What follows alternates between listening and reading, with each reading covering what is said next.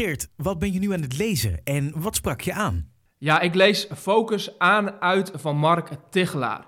En hij legt hier onder andere uit hoe focus werkt. En dat doet hij uitgebreider dan hoe ik het nu voorschotel, maar ik pak eventjes de kern eruit voor je. Mark Tichelaar schrijft het volgende. Het gebied in onze hersenen dat bepaalt hoe goed we ons kunnen focussen, wordt de Central Executive genoemd. Een gebied dat zich aan de voorkant van ons hoofd bevindt. De beste manier om uit te leggen hoe dit werkt, is door dit gebied te zien als je eigen personal assistant. En een stukje verderop zegt hij: Elke seconde komen er 11 miljoen bits aan informatie ons hoofd binnen. We zijn één grote wandelende antenne. Gelukkig komen al deze prikkels in eerste instantie onbewust binnen. We zouden redelijk gek worden als we ons hier allemaal bewust van zouden zijn. Om je een idee te geven hoe selectief ons personal assistant is, slechts 0,0003% van de prikkels die ons hoofd opvangt, stuurt hij of zij door naar ons bewustzijn. En dat is focus. Het is een gigantische selectietool. Waarom sprak juist dit jou zo aan? Ja, het is bizar toch om te beseffen. 11 miljoen bits komen dus bij je binnen. En eh, Mark Tichelaar noemt dat heel mooi, dat je een wandelende antenne bent. Oftewel, je bent continu afgestemd op alles wat je om je heen gebeurt. Ja, ik vind dat bizar om te beseffen. En dan snap je ook goed dat het maar goed is dat er zoiets bestaat als focus. Oftewel een middel om te kunnen kiezen waar je je aandacht op richt. En we gaan in het boek, gaat hij ons meenemen in hoe je dat doet en ook wat ervoor zorgt dat dat niet lukt. Uh, want er is natuurlijk ook een hele hoop afleiding. En als het ons automatisch allemaal zou lukken, ja, dan zouden we geen boek als deze nodig hebben of podcasts als dit inspreken. Dus we hebben het nodig om hier vaardig in te worden. Om dat focus als vaardigheid te ontwikkelen. En gelukkig hebben we dus zoiets als een personal assistant. Iets in ons hoofd dat ervoor zorgt dat de belangrijke dingen aan ons doorgegeven worden en de rest buiten beeld blijft. We nemen het wel op, het komt wel bij ons binnen, alleen um, niet bewust. En wanneer dit focusproces goed gaat, ja, dan kom je in een flow terecht. En dat is waar je naar streeft, dat is wat je wil. Je wil die momenten hebben dat je eigenlijk merkt, pas achteraf vaak, dat je in zo'n lekkere flow zat, dat je in zo'n lekkere focus zat, dat er niets of niemand je heeft af kunnen leiden, dat je je taak hebt kunnen uitvoeren, dat die activiteit gelukt is. Dat als je een presentatie geeft, dat je niet bezig bent met wat je die avond gaat eten, maar dat je op dat moment echt gefocust bent op die presentatie. Nou, Mark Tichelaar deelt in zijn boek vier concentratielekken.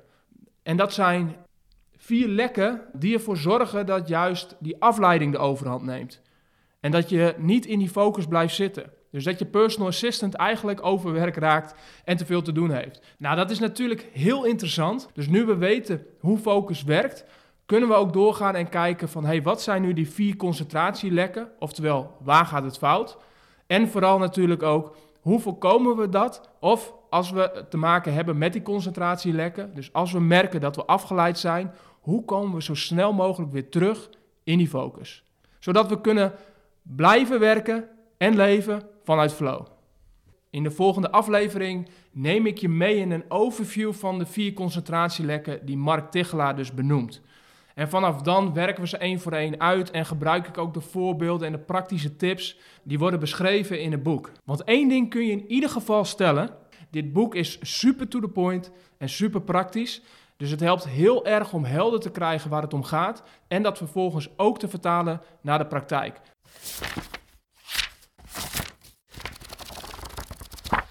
Ja, ik lees Focus aan uit van Mark Tichelaar en hij beschrijft vier concentratielekken. En wat hij zegt is het volgende. Het hele spel van focus is het aantal wisselingen van aandacht te minimaliseren. Hoe beter je dit kunt, hoe productiever je bent en hoe minder stress je zult ervaren.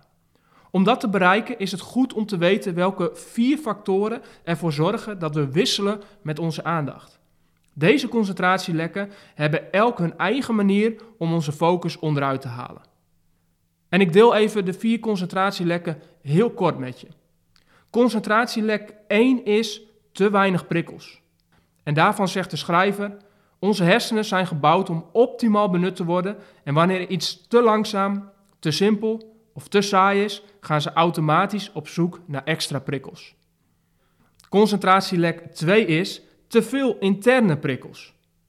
Weet je, we geven vaak onze telefoon, e-mail en collega's de schuld van ons gebrek aan concentratie. Maar wist je dat we een kei zijn in onszelf afleiden, zegt de schrijver. In de helft van de gevallen dat we onze focus verliezen, komt dat door onszelf. Dat was concentratielek 2. Concentratielek 3 is te weinig brandstof. En daarvan zegt de schrijver: Wanneer we moe zijn, functioneert onze personal assistant slechter. Die kan dan minder goed beslissen of iets belangrijk is of niet. En zal om die reden meer prikkels toelaten. En tot slot concentratielek 4. Te veel externe prikkels. Dit zijn onze telefoon, e-mail en collega's. Dit concentratielek is vaak de eerste plek waar we zoeken om meer focus te krijgen, maar het is de laatste plek waar we het antwoord vinden. Het begint bij het onder controle krijgen van onze eigen hoofd. Dat is de basis. Waarom sprak juist dit jou zo aan? Ja, vier concentratielekken beschrijft Mark Tigelaar. En laten we heel eerlijk zijn, ik herken ze alle vier. Uh, en waarschijnlijk jij ook. En als ik kijk naar alle coachgesprekken die ik heb gehad, die betrekking hadden op het thema focus, nou dan kan ik ze zeker ergens in een van deze hokjes plaatsen. En misschien is dat ook wel een goed beginpunt om te herkennen waar het misgaat. Om te weten waar het lek zit. Want voordat je iets kunt gaan fixen en kunt gaan dichten, nou is het natuurlijk goed om te weten, ja, waar gaat het fout? En hoe concreter je dat weet, hoe specifieker, hoe gerichter je vervolgens actie kunt ondernemen. En zo lees ik dit stuk ook. Door bij mezelf en de praktijk, wat ik zie bij anderen, na te gaan wat ik zie gebeuren, waar het fout gaat. En vervolgens mezelf te oefenen en te trainen om te kijken of ik dat kan plaatsen bij een van die vier concentratielekken. Want zo gaat het voor mijn leven. En mogelijk ook voor jou. Nou, laat ik beginnen met een voorbeeld uit mijn eigen ervaring. En dit klinkt misschien heel fout en slecht om te bekennen. Maar ik denk dat ik het meest mijn focus verlies tijdens coaching. En tegelijkertijd is dat ook de plek waar ik de meeste focus heb. Eh, maar ik merk ook die andere kant, dat de afleiding enorm op de loer ligt. Dus ik ben druk in gesprek, druk bezig met een coachsessie. En ik merk dat ik mijn focus verlies. En als ik daarop reflecteer, dan is dat vaak zo op het moment dat ik voor mezelf in mijn hoofd al bezig ben met de volgende stap. Bezig ben waar de ander mee geholpen zou zijn of waar de ander naartoe gaat in mijn hoofd. Dus ik merk al dat ik het patroon herken vaak en uh, mijn hoofd met mezelf aan de hal ga. En wat er dan gebeurt is dat ik dus veel minder gefocust ben op de ander en op wat de ander op dat moment nog aan het vertellen is. Maar ik ben veel meer gefocust op wat er in mijn hoofd gebeurt. En dat is afleiding. Want ik merk dat daardoor mijn aandacht verslapt en ik minder goed mijn aandacht bij de ander heb.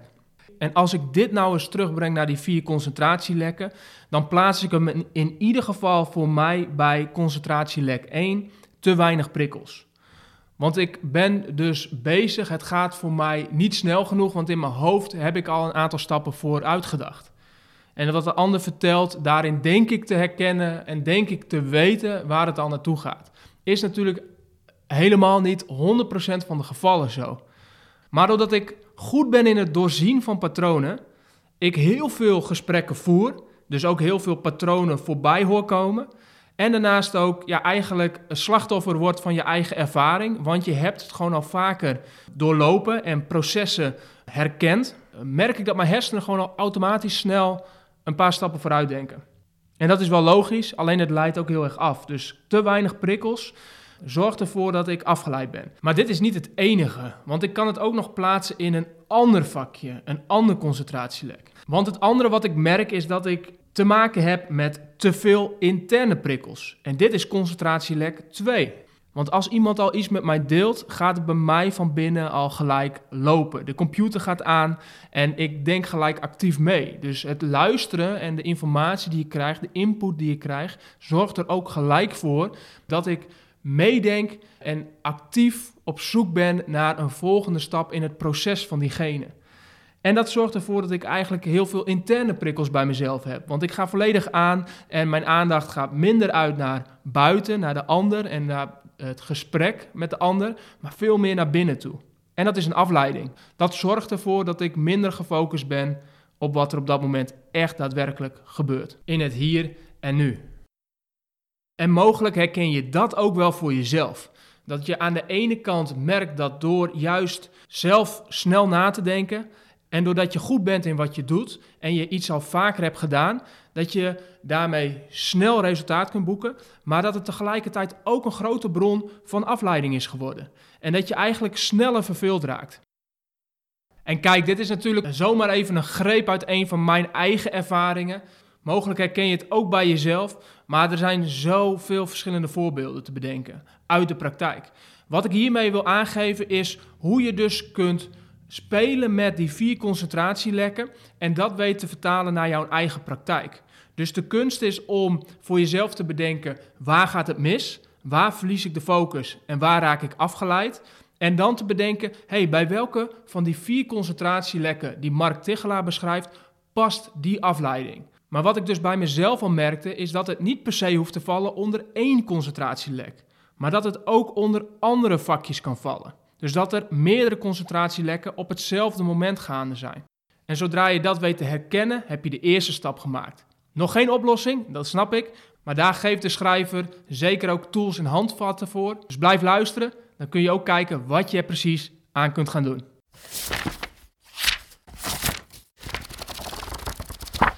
Ik lees Focus aan uit van Mark Tichelaar. En hierin beschrijft hij vier concentratielekken.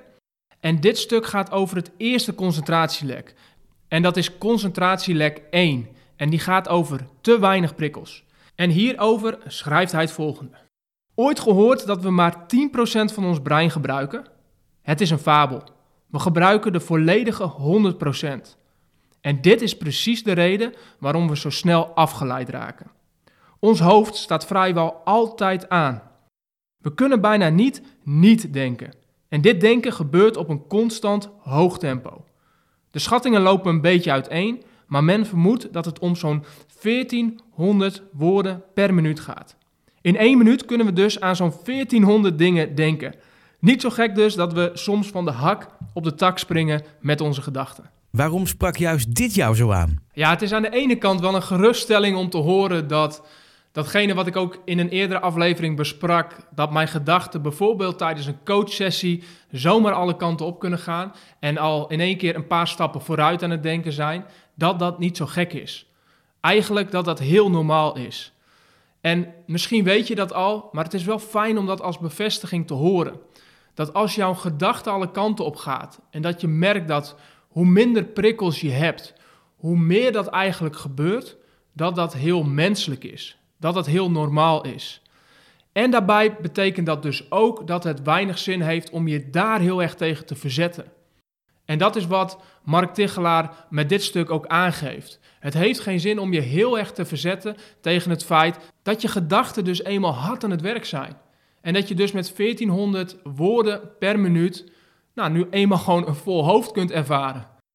En dat is wel goed om te beseffen, want dan kun je de juiste strijd gaan kiezen voor jezelf. Dat betekent dat je niet tegen het feit gaat strijden dat je 1400 gedachten per minuut hebt, maar dat je meer gaat kijken: oké, als dat zo is, wat kan ik ermee? En hoe voorkom ik dat het enorm in mijn nadeel gaat werken? Dus dat het een groot concentratielek is. En daarvoor geeft de schrijver ook een aantal praktische tips. Een van die praktische tips heeft te maken met lezen. En misschien herken je dat wel: dat je gedachten afdwalen op het moment dat je aan het lezen bent. En dat heeft er dus mee te maken dat je slechts een klein percentage van je hersenen gebruikt om te lezen. En om jezelf daarbij te helpen, kan het slim zijn om sneller te gaan lezen. Want hoe sneller je gaat lezen, hoe meer aandacht je daarbij nodig hebt en hoe meer hersencapaciteit je daarvoor dus inzet. Dus door je leessnelheid te verhogen, zorg je dus dat je het aantal prikkels verhoogt en daarmee dus ook je concentratie verhoogt tijdens het lezen. Eigenlijk zorg je er dus voor dat er minder ruimte is voor afleiding. En een van de manieren om dat te doen is de taak waarmee je bezig bent om die complexer te maken. Dat is het principe dat achter deze tip zit. En hiermee voorkom je dus of kom je uit concentratielek 1. Want concentratielek 1 is te weinig prikkels.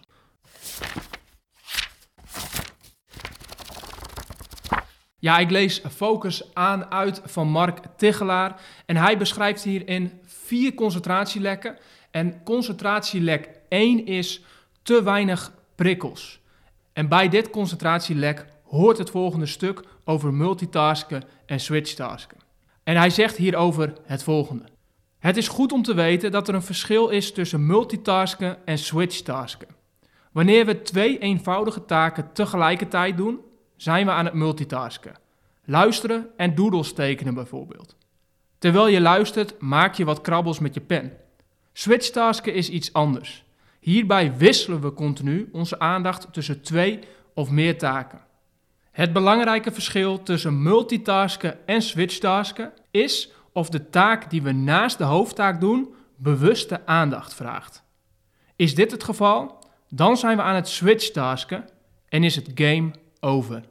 Waarom sprak juist dit jou zo aan? Nou, er zijn best wat sterke meningen geweest en vast en zeker nog steeds over multitasken. Het zit heel erg in de negatieve hoek. Van je moet eigenlijk niet multitasken. Want als je aan het multitasken bent, ja, dan ben je dus niet gefocust. En lange tijd, moet ik eerlijk zeggen, heb ik dat zelf ook gedacht. Dat multitasken ervoor zorgde dat je niet productief kon zijn. Maar Mark Tichelaar ziet dat dus duidelijk anders en weet dat ook te onderbouwen. Hij beweert dat er niks mis is met multitasken, maar dat de grote boosdoener switchtasken is. Met als grote verschil dus, ben je bewust met een taak bezig, ja of nee, naast de hoofdtaak die je aan het doen bent. En als ik het op mezelf betrek, dan herken ik het ook. Want als ik aan het bellen ben, vind ik het heel fijn om te bewegen. Het liefst loop ik terwijl dat ik aan het bellen ben. En ik merk dat dat mijn focus ten goede komt. Als ik ga zitten en alleen maar focus op het telefoongesprek, dan ben ik sneller afgeleid. Dus voor mij in de praktijk zie ik dit ook sterk terug. En de vraag is natuurlijk, oké, hoe herken je nu dat verschil dan tussen switchtasken en multitasken? Als je ervan uitgaat dat multitasken oké is en jezelf kan helpen en switchtasken ervoor zorgt dat je game over bent, dus de grote boosdoener, hoe herken je dat nu dat verschil? En daarover zegt Mark Tegelaar nog het volgende. Een simpele vuistregel om te hanteren is dat als je doorhebt dat je twee dingen tegelijk aan het doen bent, dan ben je aan het switchtasken. Heb je niet door dat je twee dingen aan het doen bent, dan ben je aan het multitasken. Dus mocht je tijdens het luisteren van deze podcast doorhebben dat je nog iets anders aan het doen bent, dan ben je dus aan het switchtasken. En andersom, mocht je rustig bezig zijn met iets, bijvoorbeeld aan het stofzuigen, en je bent daar niet heel bewust mee bezig, dan zorgt het ervoor dat je je aandacht heel mooi bij deze podcast kan houden en de informatie goed kan opslaan. Dus zorg ervoor dat je, als je twee dingen tegelijk doet, één op de automatische piloot kunt doen en de ander met je volle aandacht kunt doen. Dan voorkom je dus concentratielek 2, dat je te weinig prikkels hebt.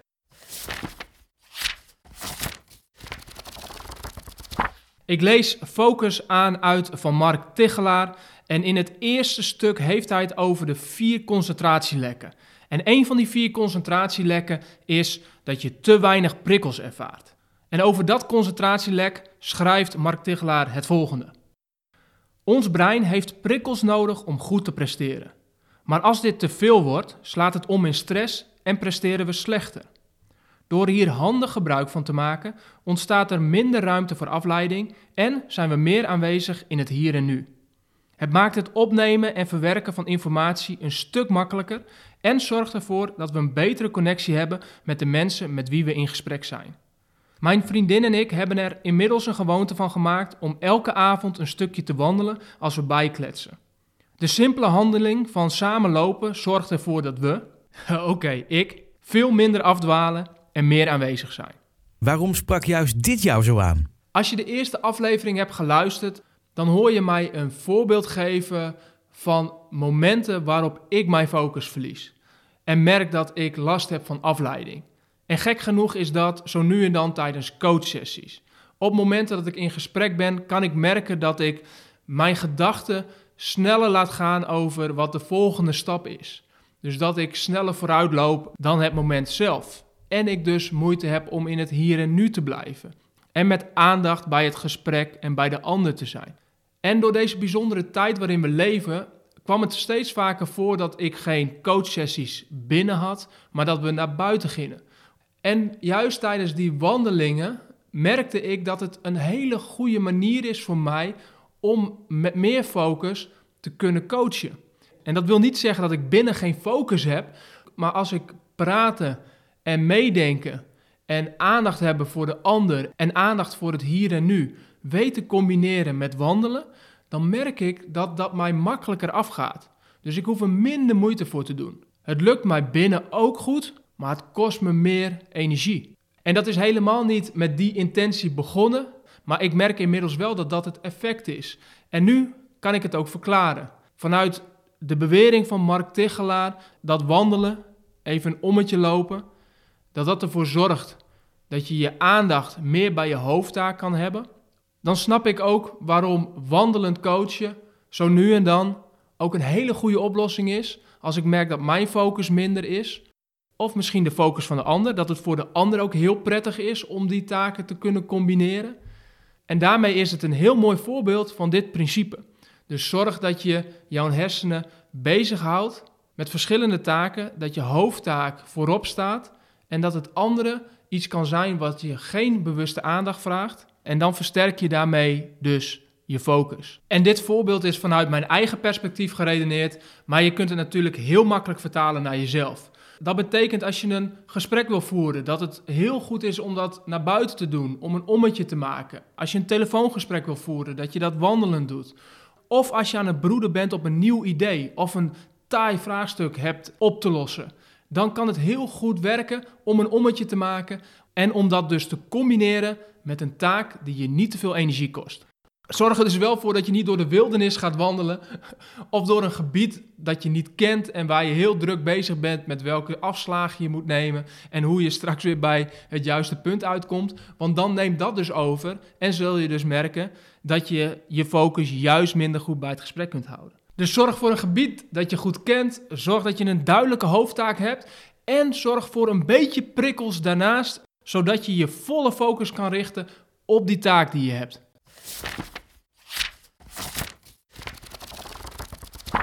Ja, ik lees Focus aan uit van Mark Tichelaar. En in dit deel van het boek heeft hij het over het tweede grote concentratielek. En dat concentratielek gaat over te veel interne prikkels. En hij schrijft daar onder andere het volgende over. Hoe meer projecten we tegelijkertijd doen, hoe belabberder onze concentratie. Dat werkt zo. Wanneer we aan meerdere projecten tegelijkertijd werken, zijn er logischerwijs veel meer externe afleiders. Terwijl we werken aan project A, krijgen we e-mails binnen over project B en C, worden we gevraagd of we straks even willen deelnemen aan spoedmeeting over project D en kunnen mensen uit verschillende projecten ons tussendoor wat vragen. Maar wat nog een veel grotere impact op onze concentratie heeft, is dat er nu ook veel meer interne afleiders zijn. Terwijl we werken aan project A, schiet ons opeens een oplossing voor een probleem bij project C te binnen. En even later bedenken we dat we straks nog wat voor project B moeten afmaken. Het werken aan veel projecten tegelijkertijd is een garantie voor constant aandachtsresidu en daarmee een lage focus. Waarom sprak juist dit jou zo aan? Ja, dit is heel herkenbaar en ik heb zo'n vermoeden dat als je dit luistert, je dit ook enorm zult herkennen. Het voelt gewoon goed om heel veel ballen in de lucht te houden. Het geeft een lekker productief gevoel als je meerdere projecten hebt lopen, als overal wat gebeurt en als er gewoon constant beweging is. Maar wat James Clear al in elementaire gewoontes beschreef, is dat beweging iets anders is dan productief. En dat vaak juist het in beweging zijn voorkomt dat je de gewenste resultaten boekt. En ik denk ook tegelijkertijd dat het ego ermee te maken heeft. Want hoe meer projecten je hebt, hoe meer je dus gevoelsmatig nodig bent. Dus het voelt ook lekker als mensen je vragen om mee te denken over een project of mee te doen in een project. Het voelt voor jezelf lekker als je voelt dat er veel vraag is naar dat wat je doet als je ondernemer bent. En dan is de verleiding groot om nog een extra product of nog een extra dienst erbij te nemen. En als je leidinggevende bent, dan is het lekker als je merkt dat er verantwoordelijkheid bij je neer wordt gelegd. En je daarmee dus ook steeds meer het gevoel krijgt dat je nodig bent. En Mark Tichelaar waarschuwt ons dus heel duidelijk om hier niet in te trappen. Hoe verleidelijk dat ook is. Hoe zie je dit in de praktijk? Nou, waar ik het vaak mis zie gaan is de overtuiging dat het niet anders kan. Dat we echt nodig zijn voor al die projecten die we nu hebben of die ons aangeboden worden. Of dat we in een omgeving zitten waarin het de cultuur en de gewoonte is om heel veel projecten op je te nemen en enorm veel ballen in de lucht te houden. En we voelen dat dat nu eenmaal erbij hoort. Maar wat er vaak onder ligt is dat we bang zijn om keuzes te maken. Want ja zeggen tegen het ene betekent automatisch nee tegen het andere. En dat nee, ja, dat is soms oncomfortabel. Want dat betekent dat je voor jezelf moet besluiten dat je iets niet gaat doen. En dat betekent vaak ook dat je de boodschap aan anderen moet geven dat ze jou daarvoor niet hoeven in te zetten. Of dat je daarvoor niet beschikbaar bent. En dat is spannend. En dat zit er onderhuids vaak onder. De angst om nee te zeggen. Hoe kan ik hiermee aan de slag? Het allerbelangrijkste is durf te kiezen. En dat begint erbij dat je bewust bent van hoeveel projecten je op je neemt en of dat nodig is.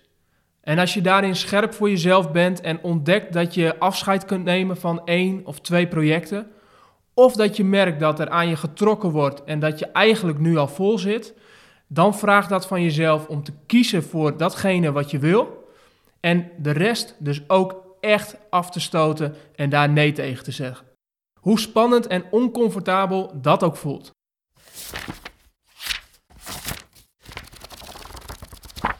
Ik lees Focus aan uit van Mark Tichelaar.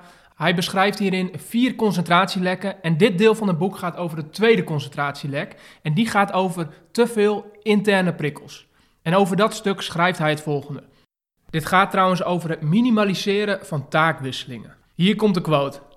Meer focus ontstaat door het minimaliseren van taakwisselingen.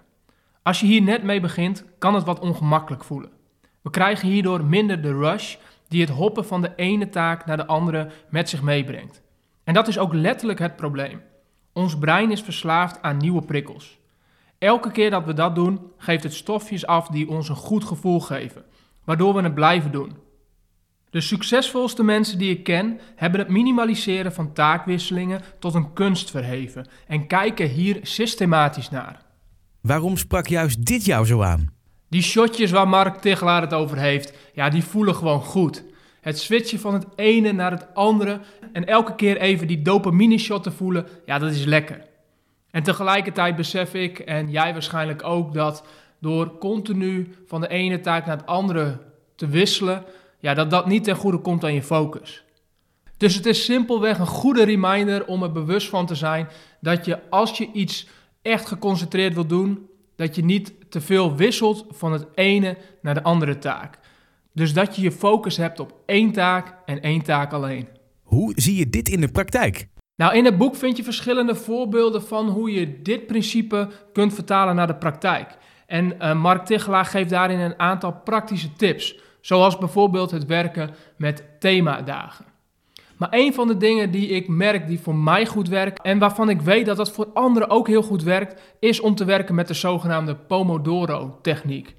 Het is een techniek die ik tijdens de leiderschapstrainingen ook overbracht op managers en teamleiders. En die vaak heel positief werd ontvangen, omdat het je focus vergroot en je productiviteit enorm toeneemt. Het past ook daarbij heel goed bij wat Mark Tichelaar dus beschrijft. Zorg ervoor dat je minder taakwisselingen hebt zodat je concentratielek nummer 2 voorkomt. En dat is dat je te veel interne prikkels ervaart. Dus ik deel even kort met je wat de Pomodoro-techniek inhoudt. Het bestaat uit een aantal stappen. Allereerst besluit je welke taak je gaat doen. Dus je kiest welke taak je doet. Vervolgens stel je een timer in op 25 minuten. En je werkt 25 minuten lang vervolgens aan die gekozen taak. En je laat je niet afleiden, Tip daarbij is om je telefoon op vliegtuigmodus te zetten. En na die 25 minuten neem je een korte pauze. Elke keer doe je dat vervolgens weer. En na de vierde keer dat je deze taak doet, voor 25 minuten, neem je een langere pauze. Van zo'n 15 tot 30 minuten. En dit herhaal je zodat je continu je focus hebt op één taak. En je zult merken dat je hiermee je focus vergroot en je productiviteit enorm toeneemt. Ik zou zeggen, probeer het gewoon een keertje uit voor jezelf.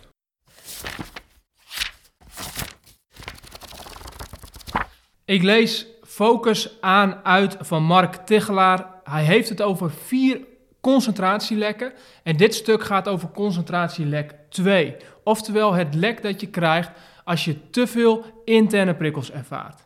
En een van de dingen die hij hierin beschrijft is het Ohio-principe. En hij schrijft daarover het volgende. Je kent ongetwijfeld de volgende situatie. Je staat op het punt een afspraak in te gaan, maar checkt van tevoren nog even gauw je mail. Je scrolt wat door je inbox, leest een paar e-mails en gaat vervolgens je meeting in. Wat gebeurt er nu in de hersenen? Nou, zolang een taak niet is afgerond, blijft die in ons hoofd hangen en dat kost je hersenen energie. Dit beschrijven ze ook wel als een open loop. Als de meeting begint, zijn onze hersenen nog bezig met het verwerken van de e-mails, waardoor ze minder alert en scherp zijn. Oftewel aandachtsresidu. Een bijkomend nadeel is, na de meeting gaan we voor de tweede keer aan de slag met de e-mail. Je kunt je effectiviteit gigantisch vergroten door gebruik te maken van het Ohio-principe. Dit staat voor Only Handle It Once. De kern van dit principe is om zo min mogelijk open loops te creëren. Waarom sprak juist dit jou zo aan? Nou, omdat ik dit nooit echt had gezien als een grote boosdoener voor focus. En daarmee bedoel ik even snel een mailtje checken van tevoren. Of een aantal to-do's hebben in je hoofd waar je nog niet aan toe komt, maar waar je wel op de achtergrond mee bezig bent. Dat zag ik helemaal niet als een probleem. En Mark Tichelaar maakt mij ervan bewust dat die open loops, zoals hij ze noemt, wel degelijk een probleem zijn. En dat is interessant, want als ik daarover na ga denken, dan herken ik dat ik voor bijvoorbeeld een coachsessie ook de neiging heb om nog even snel wat informatie tot me te nemen, een mailtje te checken, een berichtje eruit te doen. Tot een paar minuten voordat iemand aankomt en de coachingsessie zal aanvangen. En dit maakt me ervan bewust dat het goed is om daar betere keuzes in te maken. En er dus voor te zorgen dat er minder open loops zijn. En misschien herken jij deze ook wel sterk bij jezelf. Interessant om daar eens over na te denken. Wat zijn de open loops in jouw dagelijkse werk? Hoe vaak komt het voor dat je iets oppakt en open laat staan en daarmee niet het Ohio-principe hanteert, dus only handle it once, maar meer only handle it a million times. Ik herken het in ieder geval en mogelijk jij ook. Mark Tichelaar maakt ons ervan bewust dat dat een grote concentratielek is. Hoe zie je dit in de praktijk? Nou, dit principe, dat Ohio-principe, dat gaat heel erg over gewoontes. En als het gaat om de vertaling naar de praktijk, kunnen we putten uit de bron van James Clear. Zijn boek Elementaire Gewoontes heb ik eerder besproken in deze podcast. En een van de dingen die hij daarin heel sterk aangeeft, is het belang van het trekken van je gewoontes. Oftewel het bijhouden van je gewoontes voor een bepaalde periode, zodat je daar inzicht in krijgt. Want op het moment dat je er inzicht in hebt, kun je er ook bewuster verandering in aanbrengen. Dus stap 1 is, word je er bewust van. En dat doe je door bij te houden voor een bepaalde periode hoe vaak je een bepaalde gewoonte doet. En in dit geval zou je dat dus met open loops kunnen doen. Dus wat je zou kunnen doen is om een week lang eens bij te houden hoeveel open loops jij hebt lopen in je werk. Dus kijk hoe vaak je een taak als het ware als een tabblad openzet en er vervolgens niks mee doet en er pas later mee aan de slag gaat. Hou het eens voor jezelf bij. Kan ook heel simpel in je telefoon, zolang je maar voor een week lang elke dag eventjes checkt hoe dat zit met je open loops. Ik denk dat dat je heel erg gaat helpen om er meer inzicht in te krijgen en dus dat vervolgens ook te veranderen voor jezelf.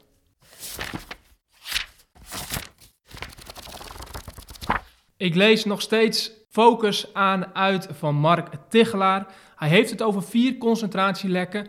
Dit stuk gaat over het tweede concentratielek, oftewel te veel interne prikkels. En in dit stuk heeft hij het onder andere over cognitieve distributie. En hij schrijft hier het volgende over. Er is een methode om minder last te hebben van binnenkomende taken en gedurende de dag meer rust te ervaren.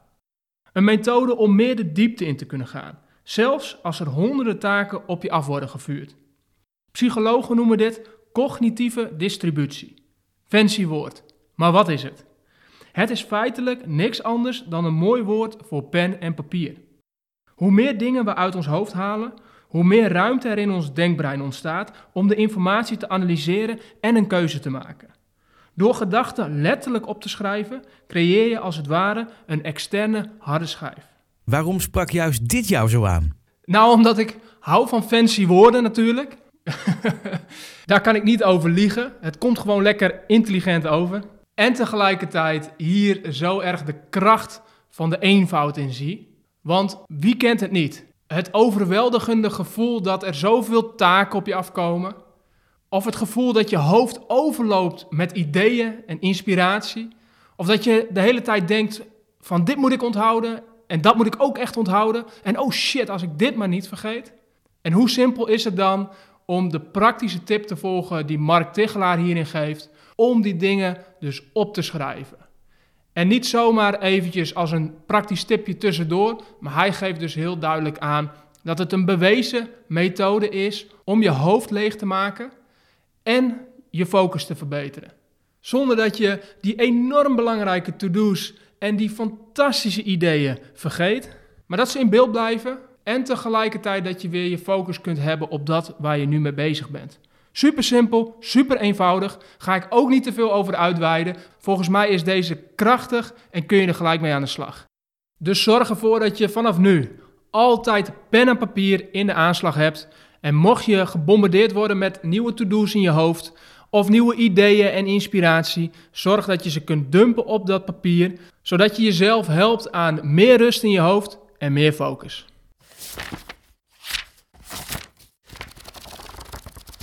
Ik lees het boek Focus aan uit van Mark Tichelaar. En hierin beschrijft hij vier concentratielekken. En dit deel gaat over concentratielek 2. En dat heeft betrekking op te veel interne prikkels. En hij schrijft hierover het volgende. En ik quote. Veel succesvolle mensen hebben daarom de gewoonte een aantal basale dingen op de autopiloot te zetten, zodat ze er niet meer over na hoeven te denken. Zo droeg Steve Jobs vaak hetzelfde trui met spijkerbroek en van Obama is bekend dat hij elke ochtend exact hetzelfde ontbijt eet. Hier zit een logica achter. En even verderop ligt Mark Tichelaar deze logica verder toe. Breintechnisch gezien is het slim zo min mogelijk na te denken over alledaagse dingen. Hoe meer we nadenken over ditjes en datjes, hoe minder hersencapaciteit er over is voor het echte werk. Dit is waarom routines zo goed werken. Ze zorgen ervoor dat we ons hoofd minder hoeven te gebruiken. Waarom sprak juist dit jou zo aan? Nou, omdat routines vaak zo'n negatieve bijsmaak hebben. Voor veel mensen die ik spreek voelt routines als een beperking van de vrijheid. Terwijl dat juist het tegenovergestelde vaak het geval is. Hoe beter jouw routines zijn, hoe betere gewoontes je hebt, hoe meer vrijheid je binnen dat speelveld ervaart. En dat is wat Mark Tichelaar met dit stuk zo duidelijk aangeeft. Want als je routines hebt, dan heb je een hele hoop dingen waar je geen aandacht meer aan hoeft te besteden. Waar je geen energie in hoeft te steken. Keuzes die je niet meer hoeft te maken. Wat ervoor zorgt dat je al je aandacht en energie kan stoppen in de belangrijke keuzes die je op een dag te maken hebt. En daarom is het denk ik zo dat in de wereld van persoonlijke ontwikkeling en persoonlijk leiderschap ochtendroutines zo'n belangrijk onderdeel is. En waar ook heel veel succesvolle mensen zich duidelijk mee bezighouden. Wat is de beste ochtendroutine zodat je de rest van de dag optimaal kunt presteren? Dat is een hele essentiële vraag als je de beste prestaties wil leveren. En dat betekent dus dat je gebruik maakt van het feit dat je je hersenen en energie maar één keer kunt gebruiken. En als je die stopt in dingen waar je eigenlijk niet eens over na zou hoeven te denken als je dat van tevoren goed geregeld had, dan win je een hele hoop. Dus het maakt duidelijk hoe belangrijk routines zijn en het daagt uit om dit voor jezelf continu te fine-tunen en scherp te maken. Wat zijn de beste routines voor jou? Hoe kan ik hiermee aan de slag? Nou, misschien is het wat extreem om te zeggen: ik ga ook elke dag hetzelfde type trui en spijkerbroek dragen. Of ik ga elke ochtend hetzelfde ontbijt eten. Misschien ook wel, misschien is het juist iets voor je. Ik kan daar niet over beslissen, maar ik denk dat de kern met name is dat je op zoek gaat naar dat wat werkt voor jou. En dat je die routine serieus neemt, zodat je dus energie overhoudt voordat waar je echt mee aan de slag wilt gaan. Dus check eens je eigen routines. Begin met de ochtend. Check je eigen ochtendroutine en kijk waar je 1% verbetering kunt aanbrengen in jouw ochtendroutine. Oké, helder. Bedankt voor het delen. Ja, graag gedaan. Jij bedankt voor het luisteren. En als we het dan toch hebben over delen, dan wil ik je nog het volgende vragen. Als deze podcast jou iets van waarde heeft opgeleverd, dan wil ik je vragen om deze podcast te delen met één iemand uit je omgeving waarvan je weet dat hij of zij hier ook iets aan heeft. Dankjewel en tot de volgende keer.